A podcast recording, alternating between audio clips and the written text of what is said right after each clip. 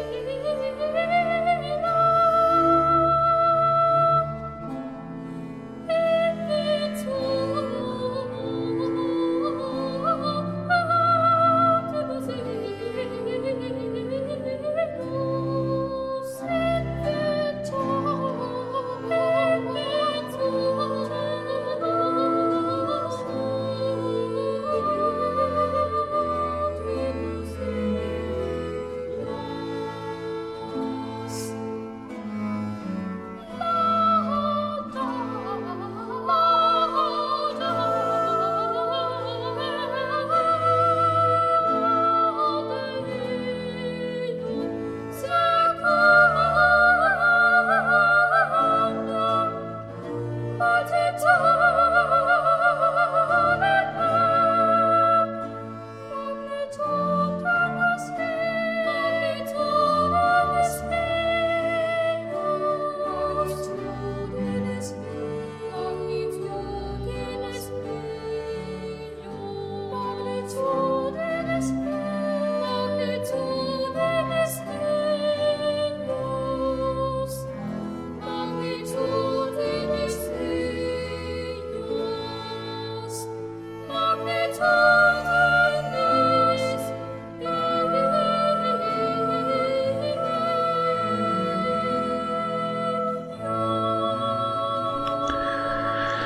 Érdegélt volna ő szépen, csendesen, mint udvari organista, nem lett volna az a baj, csak hát közben jött a 30 éves háború, ami azért erősen megkavarta a dolgokat.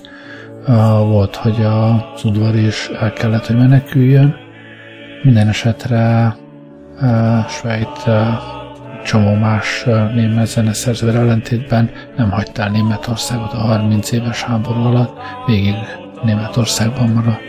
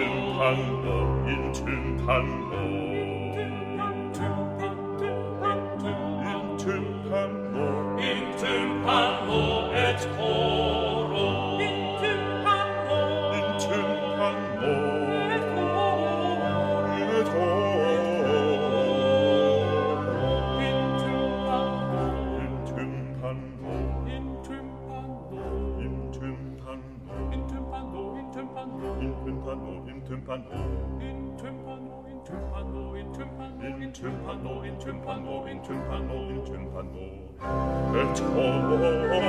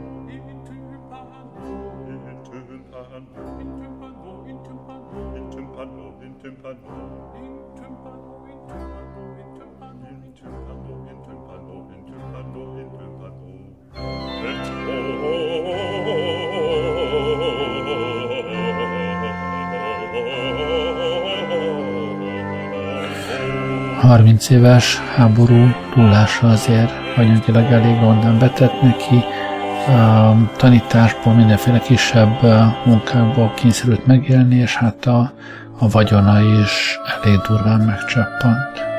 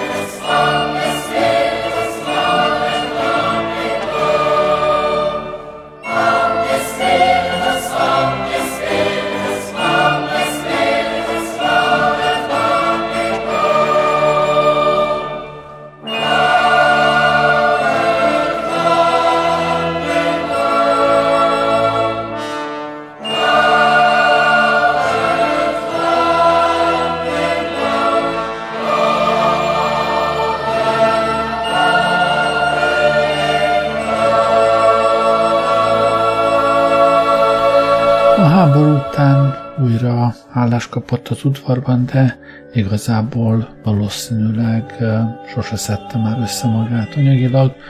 1854-ben, amikor meghalt, bizonyos forrásaim szerint koldus temetést kapott.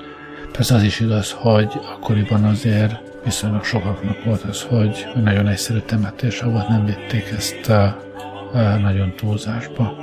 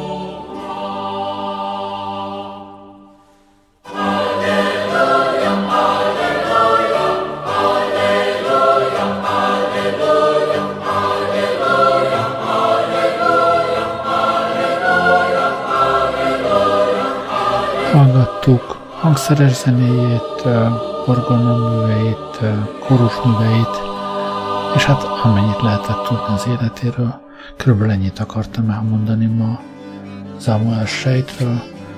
Köszönöm, hogy velem voltatok ma este, jó éjszakát kívánok, Gerlei Rádiózon.